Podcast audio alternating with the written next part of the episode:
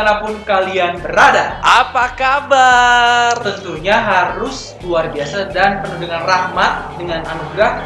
Semoga sih masih tetap sehat. Ya, walaupun di tengah situasi pandemi, semoga tetap eh, waspada, tetap peduli terhadap terutama ya, terutama terhadap kesehatan diri sendiri. Oke, kali ini di podcast seminari kita yang akan take over. Oke, Kemarin udah tuh kan di apa? kita kayak PKS. penjajah gitu ya. Iya, kita mengkolonialisasi. enggak, enggak lah, enggak guys. Jadi kita akan memandu tiga kali pertemuan dalam iman Ke depan. ke depan sehubungan dengan AAP. Oke. Kita punya nama. Apa itu namanya? Ini adalah kalau gua sebut podcast AAP 2020, Jawabannya? podcast AAP 2020. Wow, kreatif sekali. Nanti ada tepuk tangannya ya di gini. Iya. Kayak gitu gitu. Oke, kita coba ya. Podcast AAP 2020. Podcast AP 2020. Kali ini kenalin guys, nama gua Frater Sikon. Dan gua Frater Martin. Kita berdua akan memandu tiga kali pertemuan yang Ke depan. Dan podcast kita ya harapannya ya kita bisa adalah pengiklan yang masuk ke Iya. tempat kita ini kali ya. Oke, harapannya sih begitu ya. Iya. Misalnya roti apalah gitu kayak A ya, roti Iya, A atau roti A. atau Michael, roti Michael. Oke, Oke. daripada Oke, daripada kita berlama-lama mending kita langsung panggil saja ya bintang tamu. bintang kita. tamu kita yang harapannya menambah kemeriahan kita di sini, Iya. kita. Sebagaimana orang ketiga guys ya, selalu membuat hubungan itu Rusak. meriah. Bukannya rusak ya? Iya pengen, aduh gelisah banget kayak gitu ya. Langsung aja lah, gue nggak mau. Tanpa sambutan yang meriah. Ya kita sambut bintang Kita tamu. panggilkan saja. Silakan masuk. Eh, Jeng dung jeng dung jeng dung jeng dung jeng. Bang, tipang, Jeng, tipang, dung, tipang, jeng, tipang, dung, tipang. jeng. Waduh, man order bisa. Waduh. Selamat datang, Selamat brother. datang. Ya, terima kasih brother telah mengundang saya ke sini jauh-jauh ya dari tadi mana dari Atambua. Bang. Wow. Luar biasa. Tadi Naik- kebetulan macet di. Cikampek. Oh, di Cikampek. Oh, hebat sekali brother kita sih. Naik apa dari Atambua? Kenapa? Naik apa dari Atambua? Tadi saya eh, ini sih jadi putus-putus. Kadang saya naik motor, terus habis itu kalau lagi mood ya kadang naik sepeda. Waduh. Tergantung mood aja. Eh, jadi saya harus panggil anda apa nih? Frater, Sob, atau Coba memperkenalkan diri Iya, ya dulu. kenal. Oh ya, dulu. perkenalan dulu ya. Perkenalkan, nama saya Frater Agustinus Damas, biasa dipanggil Frater Damas. atau Oke. Frater sayang. Frater. Oh, frater Oh, saya. Uh, tayang, tayang, tayang, tayang. Halo, frater Damas. Halo, selamat datang di podcast kita. Podcast kita biasa-biasa aja gitu Iya. ya. Tapi gue sih yakin pokok pembahasannya yang luar biasa. Asik. Apalagi kalau kita ngomongin soal AAP 2020 kan ya, Keuskupan Bogor secara khusus dan mungkin seluruh gereja universal di Indonesia akan membahas tema yang sama juga. Kalau di Betul. kalau tema kita untuk AAP 2020 ini apa, Dr. Martin? Temanya itu adalah Natal, paradigma baru terhadap makanan. Wah, tampak menurut gue sih ya daripada kita kebanyakan prolog nih di Kita- podcast kita. Kita mulai aja kali ya pendalaman iman kita. ya. Para frater dan juga sobat-sobat Petpol di mana pun lu berada untuk memulai pendalaman iman kita dalam podcast kita ini, mari kita memulainya dengan tanda kemenangan Kristus dalam nama Bapa dan Putra dan Roh Kudus. Amin. Amin. Tuhan beserta kita. Sekarang, dan selama-lamanya. Brother Damas, Brother Martin, dan juga sobat-sobat Petpol yang dikasihi Tuhan. Sebenarnya gue cuma mau bertanya aja sih, kenapa harus AAP ini kita membicarakan soal makanan? Notabene harusnya prapaskah dong, pantang puasa kan, makanan. Dan kenapa harus di Natal untuk menyambut Natal gitu loh? Iya. Ada apa ya? Iya, padahal di Pasca itu juga identik dengan menghias telur Pasca, Nah, iya. mencari telur kan. Kan Apa makanan. Kan iya. telur pasca nggak dimakan. Tapi kan telur, Oh, iya. itu dimakan dong. Nah itu kenapa? Dan kenapa harus Natal gitu? Apa yang menarik dari?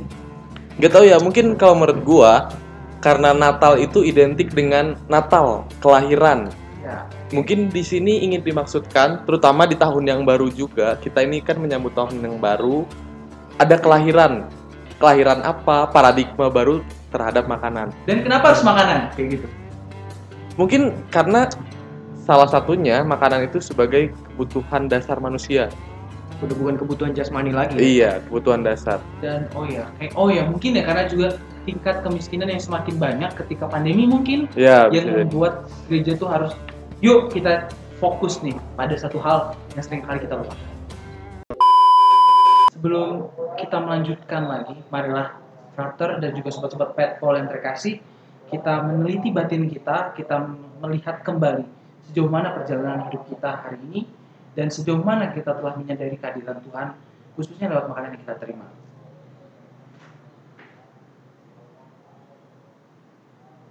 Kasihanilah kami ya Tuhan, Sebab kami orang yang berdosa, tunjukkanlah belas kasihan kepada kami ya Tuhan. dan anugerahkanlah keselamatan kepada kami. Semoga Allah yang Maha Rahim mengasihani kita, mengampuni dosa kita, dan menghantar kita ke hidup yang kekal. Amin. Marilah kita berdoa. Allah Bapa, sumber segala kehidupan, kami bersyukur karena Engkau telah menciptakan segala sesuatu baik adanya. Engkau juga telah memberi makanan sebagai berkatmu bagi manusia. Ajarlah kami akan berkatmu itu dan membagikannya bagi mereka yang membutuhkan.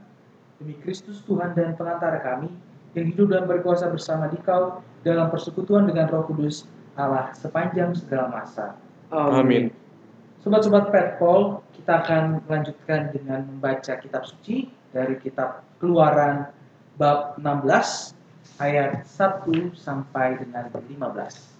Dari kitab Keluaran 16 bab 1 eh, ayat 1 sampai 15.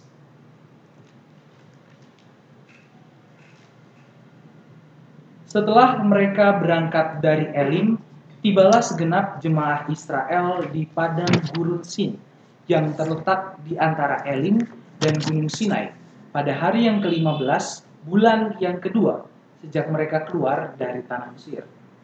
Di padang gurun itu bersungut-sungutlah segenap jemaah Israel kepada Musa dan Harun dan berkata kepada mereka, Ah, kalau kami mati tadinya di tanah Mesir oleh tangan Tuhan, ketika kami duduk menghadapi kuali berisi daging dan makan roti sampai kenyang. Sebab kamu membawa kami keluar ke padang gurun ini untuk membunuh seluruh jemaah ini dengan kelaparan. Lalu berfirmanlah Tuhan kepada Musa, Sesungguhnya aku akan menurunkan dari langit hujan roti bagimu. Maka bangsa itu akan keluar dan memungut tiap-tiap hari sebanyak yang perlu untuk sehari. Supaya mereka kucoba, apakah mereka hidup menurut hukumku atau tidak. Dan pada hari yang keenam, apabila mereka memasak yang dibawa mereka pulang, maka yang dibawa itu akan terdapat dua kali lipat banyaknya dari apa yang dipungut mereka sehari-hari. Sesudah itu berkatalah Musa dan Harun kepada seluruh orang Israel, "Petang ini kamu akan mengetahui bahwa Tuhanlah yang telah membawa kamu keluar dari tanah Mesir." Dan besok pagi kamu melihat kemuliaan Tuhan karena ia telah mendengar sungut-sungutmu kepadanya.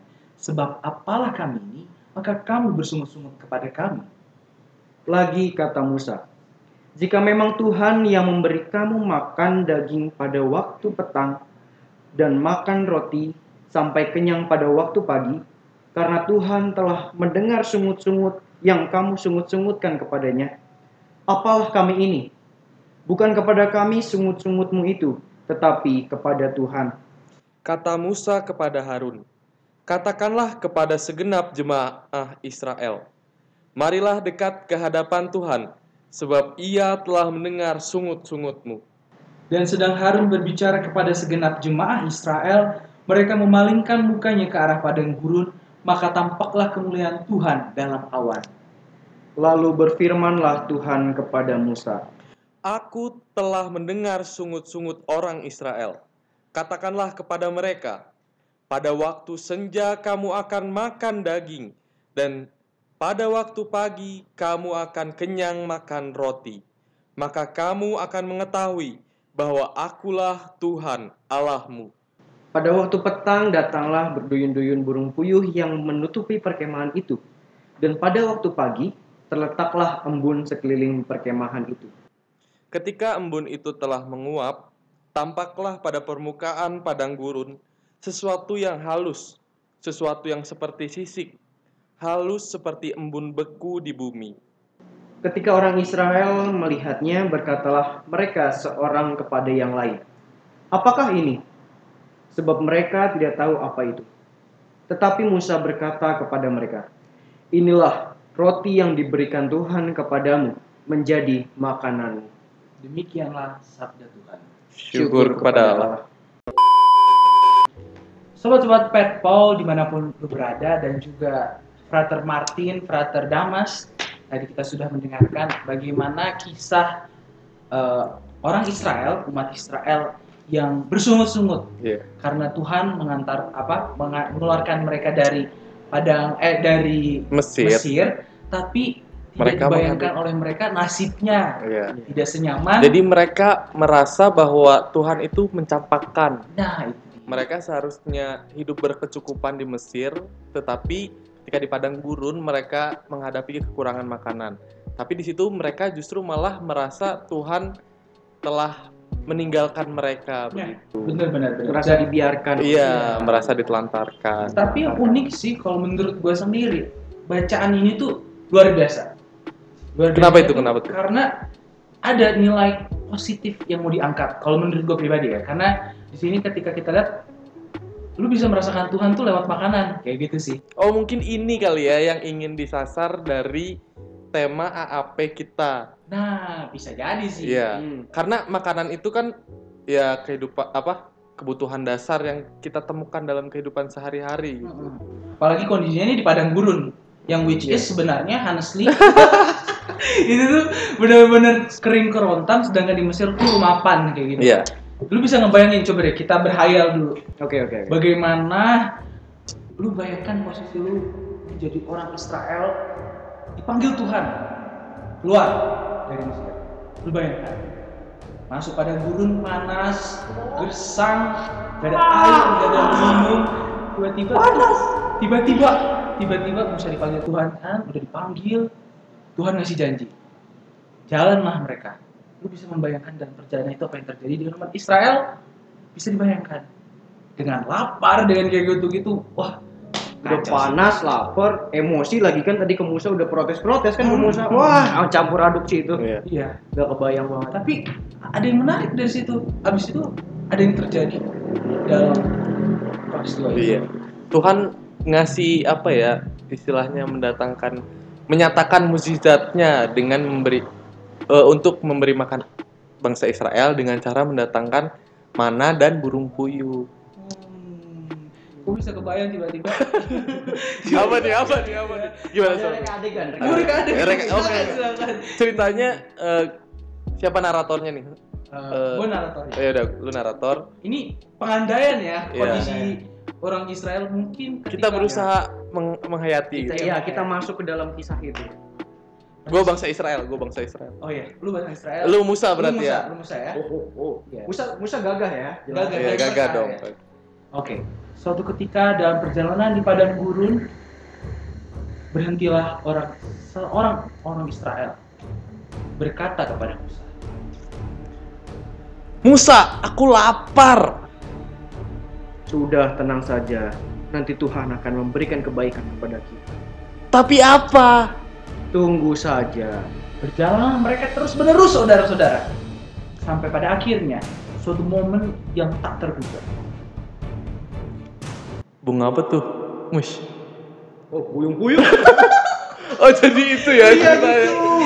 Aduh kita penistaan. ya. enggak enggak enggak. Itu kan apa visualisasi? Iya, visualisasi. Ya, bisa bisa bisa jadi sih. Ya, kita merasa empati, kita berada di dalam diri mereka gitu ya. yang Mengambil sedang semangatnya. Iya. Tapi menarik bicara soal makanan kan. Orang Israel aja dalam kisah ini bicara soal makanan gitu. Apa sih pengalaman makan yang mungkin sebelum kita masuk ke topik pembahasan kita bahwa kita bisa merasakan anugerah Tuhan lewat makanan gitu. Lu sendiri, uh, Brother Damas, apa sih pengalaman makanan yang menarik Wah, makanan? dulu pernah ya. Waktu SMA gitu.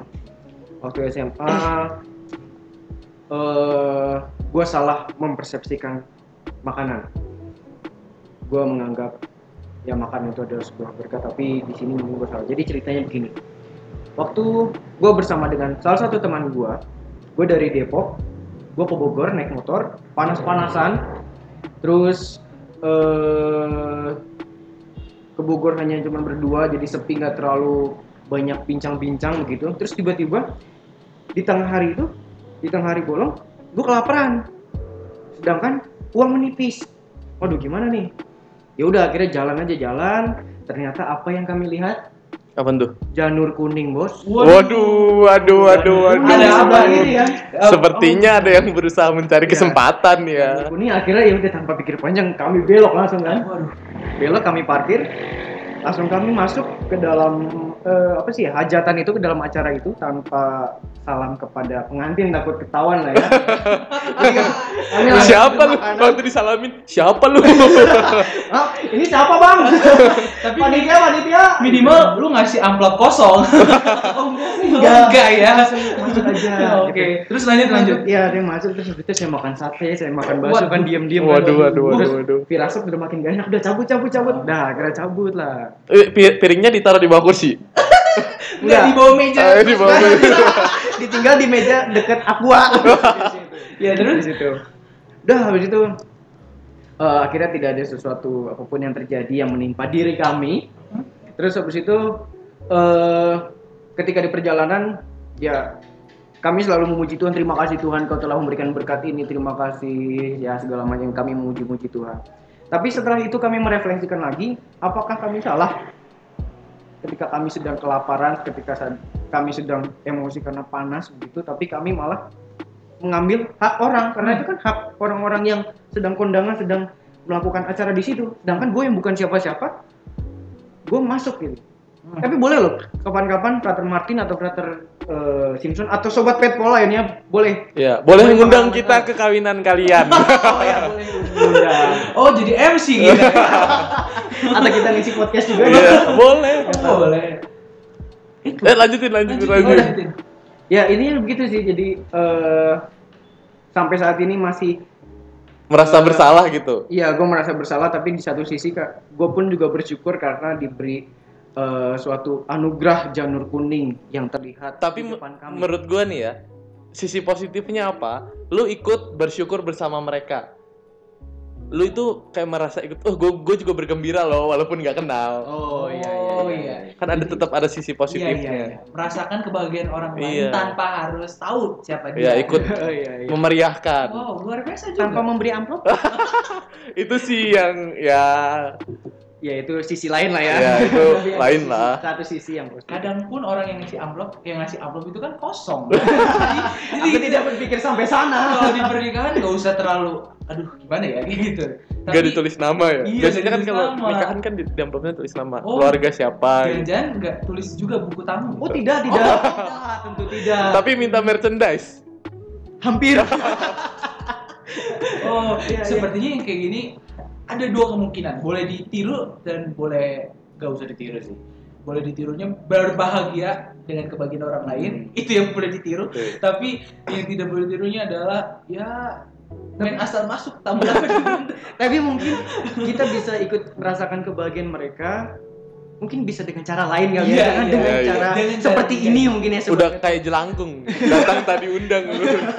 Kalau lu Terus sendiri makan-makan Tar, doang. Gimana? Lu punya gak pengalaman tentang makan?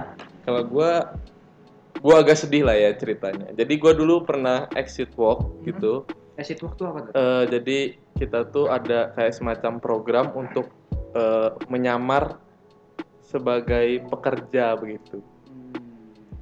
Nah di situ gue menyamar sebagai seorang apa ya namanya pengasuh lansia. Waduh.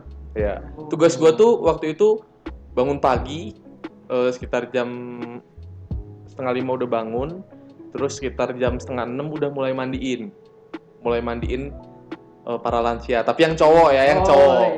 Hampir saya menanya. Itu itu udah Enggak langsung dipotong hebat Berarti dong. berat ya, berarti sebentar, maksud gue berat juga ya, maksudnya dengan notabene lu nggak punya pengetahuan apa pun Iya. tentang ngerawat orang-orang lanjut usia gitu, tapi ikut tips dulu. Ini wajib, wajib ceritanya. ini ceritanya wajib dan waktu itu gue dapetnya kayak gitu. Oh, Tapi di di tempat itu tahu kalau diri lu adalah frater.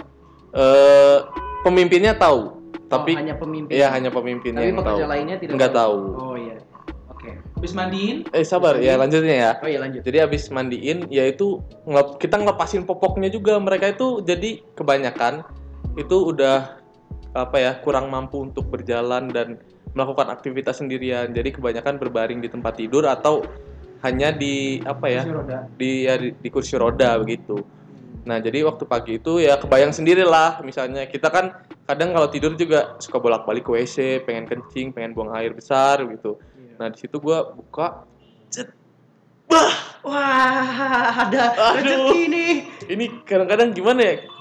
Ya ada perasaan bukan perasaan kejut eh, lah terkejut lah Iya, gitu iya, lah. iya. Ada ada yang Belum pernah dapat pengalaman seperti ini. iya gitu ya. menggantung tapi bukan pepaya.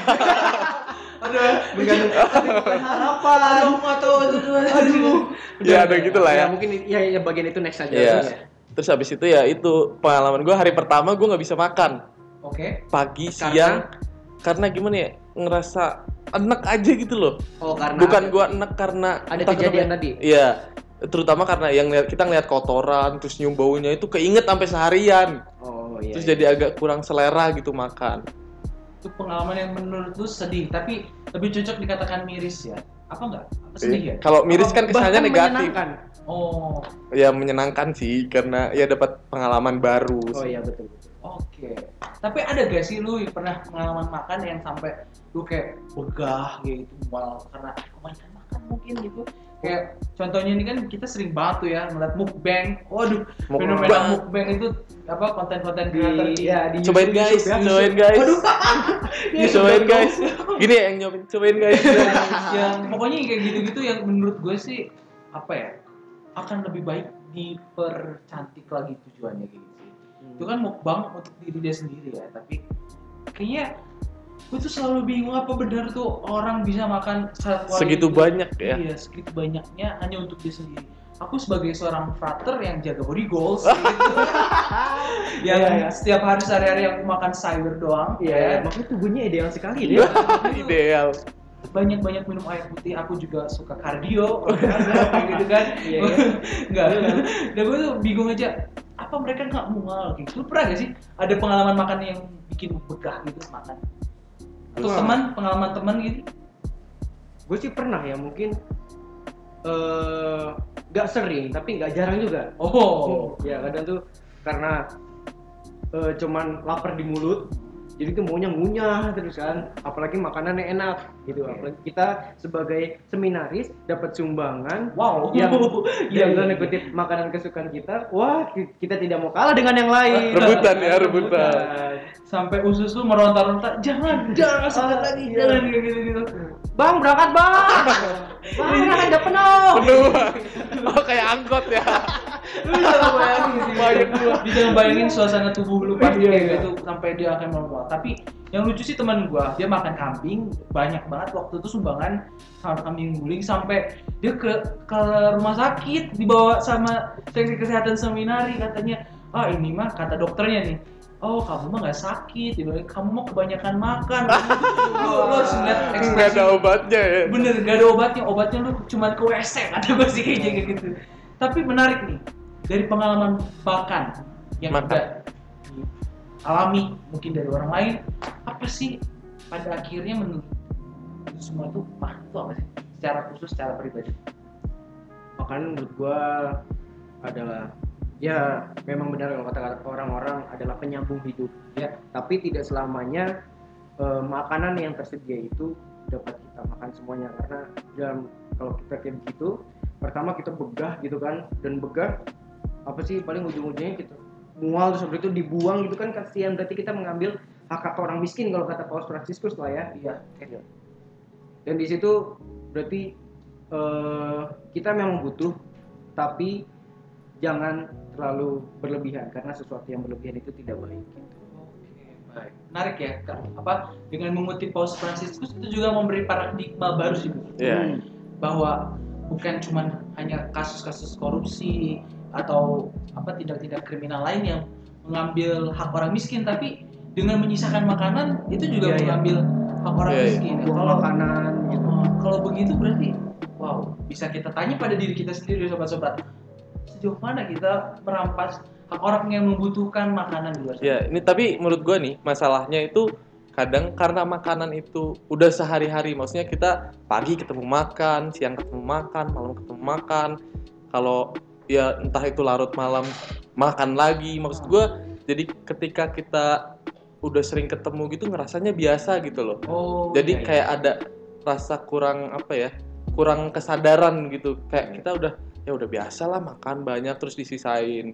Tapi makanya di situ menurut gue itu jadi masalah ketika kita nggak sadar bahwa sebenarnya makanan itu harusnya jadi anugerah itu loh yang Oh. seperti kisah di kisah tadi kitab keluaran yang kita Iya. dengar soal orang Israel dan bersungut-sungut pertama minta makan sih kayak Iya. kalau di apa minta kok gua dikasih kayak gini tapi dikasih makan akhirnya Tuhan memberikan makan oh suatu penilaian apa per- permenungan yang menarik juga sih karena udah terbiasa makan Iya, malah kita jadi kurang bersyukur. iya itu dia. menarik menarik satu hal yang menarik itu kalau tapi menariknya juga menurut gua kalau dari kitab suci nih sobat-sobat Petwall lu perhatikan dengan jelas bagaimana kitab kejadian kan kita tahu bagaimana proses eh, apa kejadian eh, peristiwa kejatuhan manusia dalam dosa per- dosa asal Karena makan. karena makan juga Iya, kan? benar. betul, betul. Itu di awal ya, di iya dari awal. awal tuh Di udah awal. ada terus baru tadi kita dengar di kitab keluaran Keluaran. dan kalau di perjanjian baru kira-kira ada juga dong yang paling jelas dalam penetapan perjamuan, Perjamuan malam makan. terakhir Iya. ya yang dilakukan diadakan oleh Tuhan Tuhan kita Yesus Kristus saat kalau dalam liturgi kita saat itu dalam Kamis Putih dan bahkan kita rasakan sampai saat ini lewat Ekaristi. Betul. Ya, menurut lu berdua nih dari dua dari maksudnya dari peristiwa yang direkam dalam kitab suci katakan yang ditulis dalam kitab suci itu soal makan apa yang bisa lu eh, apa intensi atau apa sih pesan yang sebetulnya atau nilai lain. Kan kalau tadi kita menyisakan makanan itu merampas dong hak Iya. orang yang membutuhkan sedangkan peternak tadi udah tidak merasakan anugerah Tuhan kayak gitu. Kira-kira ada lagi gak sih? Apalagi kitab suci udah jelas menceritakan kayak gitu. Kalau lu ter gimana? Kalau gue ya, eh, kalau dilihat dari lintas waktu sih, mungkin gue memaknainya itu ada ada sisi apa ya, eh, ada manfaat yang hendak diberikan oleh makanan. Manfaat di sini bukan berarti cuman soal kenyang doang, makan kenyang, bukan gitu doang. Tapi ada sisi-sisi lain. Misalnya, ketika kita makan nih, makan dengan teman atau dengan keluarga, itu makanan itu di situ berusaha mempersatukan kita. Ngerasa nggak sih lu misalnya ketika lu makan bersama tuh ya lebih dekat dengan keluarga. lebih asik ya. ya yang pacaran juga misalnya kalau pacaran diajak makan walaupun "Mau makan apa sayang terserah. Tapi kan karena intinya karena memang dia mungkin pemikirannya nggak nggak penting makanan apa yang penting sama kamu. Iya, yang penting Iya. bersama. Yang ada penting yang bersama u ya kamu. u kalau nggak makan sama lu tuh nggak u aduh itu pak. Apa? Tapi kita nggak nggak merasakan ini kayak gitu ya. Maksudnya kita nggak Iya. nggak secara- Kalau kita makan mending sendiri ya daripada dimintain. ngumpet-ngumpet sampai ke WC jangan jangan. Dan kita kalau misalnya jajan pun nyari kuantitas dan harga murah. iya. Ya, kalau bisa cari promo. Iya, itu betul. itu menarik nih bener sih. Gue setuju sih sama apa paradigma baru. Salah satu para eh, salah satu permenungan baru yang diberikan oleh Frater Martin tadi bahwa dia menyatukan.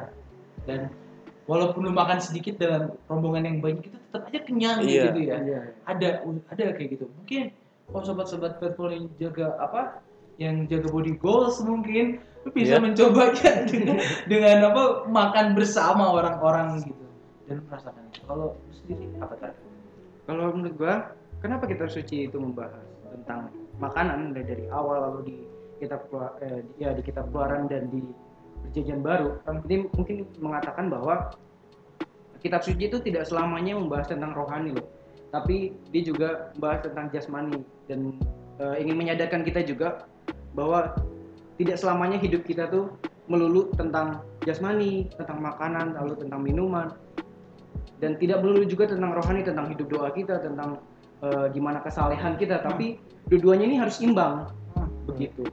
Oke, pantes ya kita juga. Gue teringat tiba-tiba terpintas walaupun apa ini komentar lepas ya. Pantes ketika oh, wajar saja ketika Yesus pengi apa dicobai kan manusia tidak hidup hanya dengan Roti saja. roti saja. Tidak. Nah, itu juga salah satu apa eh, permenungan yang menarik soal makanan yang diberikan Yesus. Tapi kalau nih ke kondangan paling sering tuh. kondangan lagi kondangan ya lagi Kondangan. soalnya tadi ada di picu ada kondangan Iya. ada kondangan gitu kuning.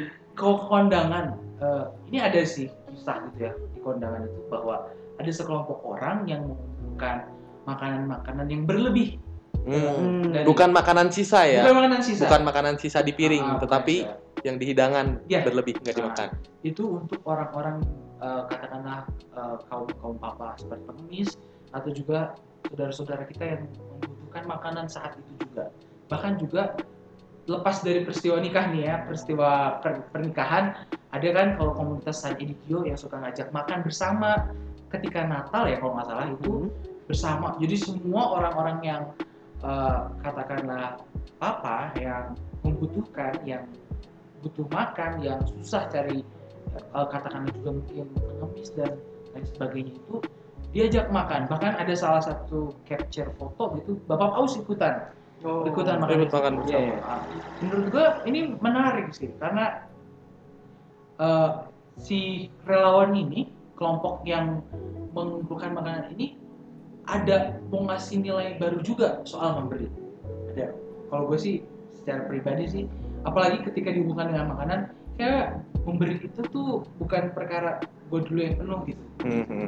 kayak ya, ketika gua ada ya gua kasih maksudnya bisa bisa jadi sih kayak gitu tapi ada yang nilai lebih bukan karena gua penuh baru gua mau bagi tapi kapan pun gua ya bisa kapan pun Iya, ya iya. harusnya ya. Uh, kapan pun harus dan bukan uh, sisa. Nah, Nah, itu, itu hal- memberikan bukan penting. menyisakan Nah, gitu dia. orang. Itu yang menarik sih pada akhirnya soal kalau makanan itu ada ma- adalah suatu anugerah. Menurut gua dari situ kita bisa memberi tanpa harus menyisakan. Ya kalau di Indonesia nih ya eh, sebenarnya ini alternatif kalau kalian misalnya nggak bisa bukan nggak bisa belum berani untuk misalnya datang ke kondangan mengambil kondangan lagi ya Iya, bukan. Ya ke kondangan misalnya kalian belum berani ke kondangan terus minta menu sisanya, eh, sisa menu, kalian bisa mulai dari diri sendiri. Maksudnya makanan sisa kalian itu dimakan lagi, bukan berarti ya harus habis contohnya gitu ya. contohnya nih ya.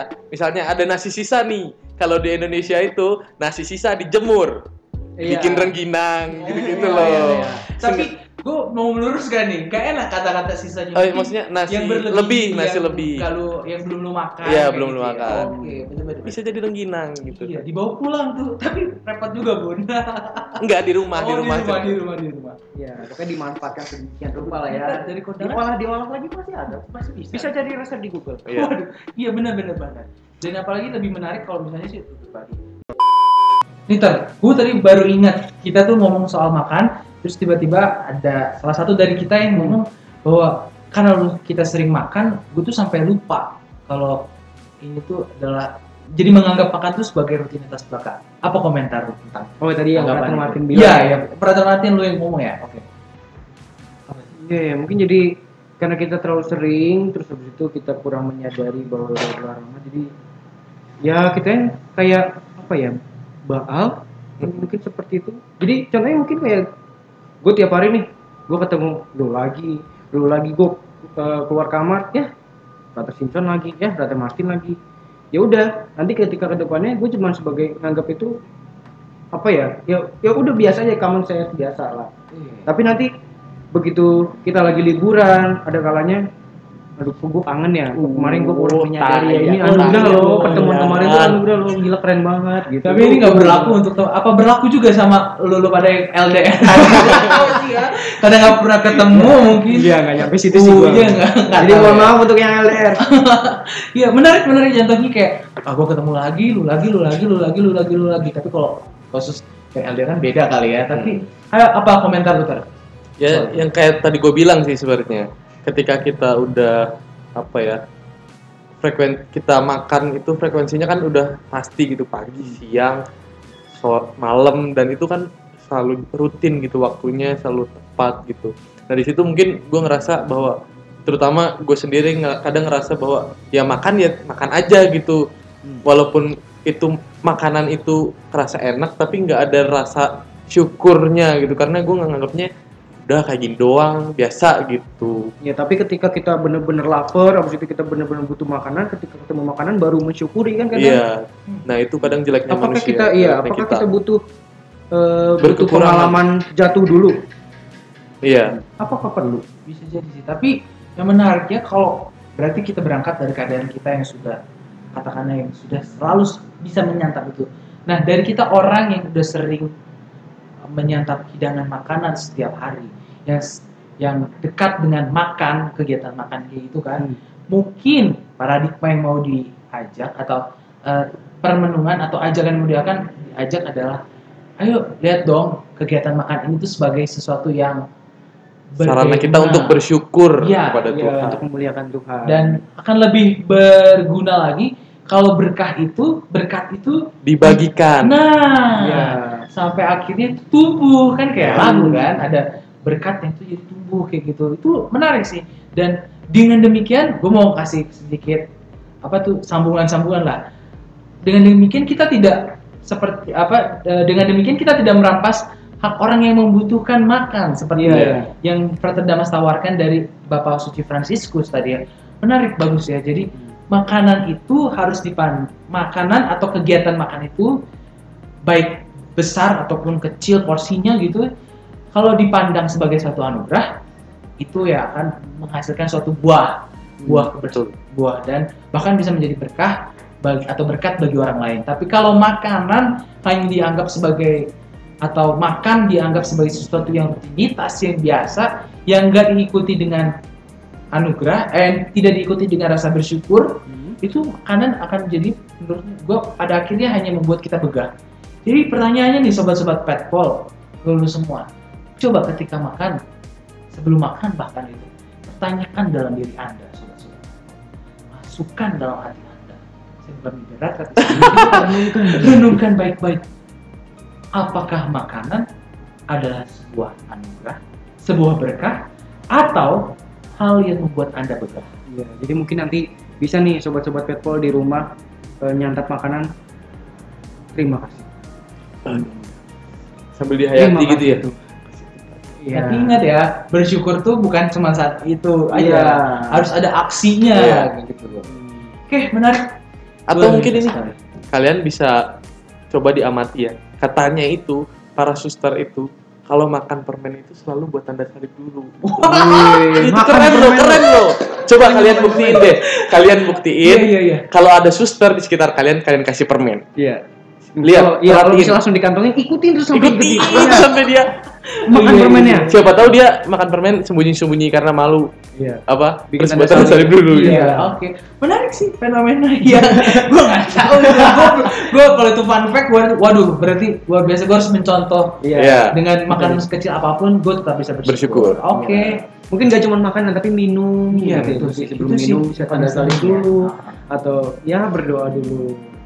Setidaknya lu menyadari bahwa ini lu ini tuh pemberian Tuhan loh, Iya. bukan dari usaha kita sendiri. Jadi ingat, rekan-rekan, sobat, sobat petpol di mana pun anda berada, tanyakan pada diri kita ketika kita makan. Ya, apakah makan sebuah anugerah? Apakah makanan sebagai sebuah berkah? Atau makanan adalah sebuah hal yang membuat kita begah hingga akhirnya kita merasakan suatu wabah. Oh. Kita akan mengakhiri pendalaman iman kita ini dengan bersyukur dan berdoa kepada Tuhan terlebih atas penyertaannya kepada kita sepanjang hidup dan sepanjang perjumpaan kita di pendalaman ini. Marilah kita berdoa. Allah Bapa sumber kehidupan, terima kasih atas segala kebaikan yang telah Engkau berikan kepada kami dalam wujud makanan sehari-hari. Ajarilah kami untuk dapat menggunakan segala kebaikan-Mu itu demi sesama kami dan segala makhluk ciptaan-Mu. Demi Kristus Tuhan dan pengantara kami yang hidup dan berkuasa bersama di Kau dalam persekutuan dengan Roh Kudus Allah sepanjang segala masa. amin Amin. Mari kita mohon berkat Tuhan supaya segala upaya kita untuk menyongsong Natal pelayanan Tuhan dapat berbuah dan mencapai hasil seperti kita harapkan dan kemudian dapat membagikannya kepada orang yang membutuhkan. Semoga dalam masa Advent ini Allah meneguhkan iman kita. amin Semoga Allah mendorong kita untuk dapat mengerti makna makanan sebagai berkatnya bagi manusia. amin Semoga kita semua yang hadir di sini dilindungi dibimbing dan diberkati oleh Allah yang Maha Kuasa, dalam nama Bapa dan Putra dan Roh Kudus. Amin. Saudara-saudara sekalian, sobat-sobat Petpol, Frater Damas dan Frater Martin, pendalaman kitab suci kita, pendalaman iman kita telah selesai. Syukur kepada Allah. Semoga kita bisa menjadi agen-agen perubahan dengan membawa paradigma makan sebagai suatu berkah. Terima kasih. Terima kasih Frater Damas sudah Terima kasih. memeriahkan permenungan kita hari Iya, ini. Luar biasa ya, sangat menarik sekali. Oh ya, sobat-sobat Petpol, jangan lupa Untuk menyaksikan Iya. episode kedua dari pendalalan iman di podcast eh, AAP 2020. Podcast AAP 2020 Podcast AAP 2020. Sampai jumpa. Sampai jumpa.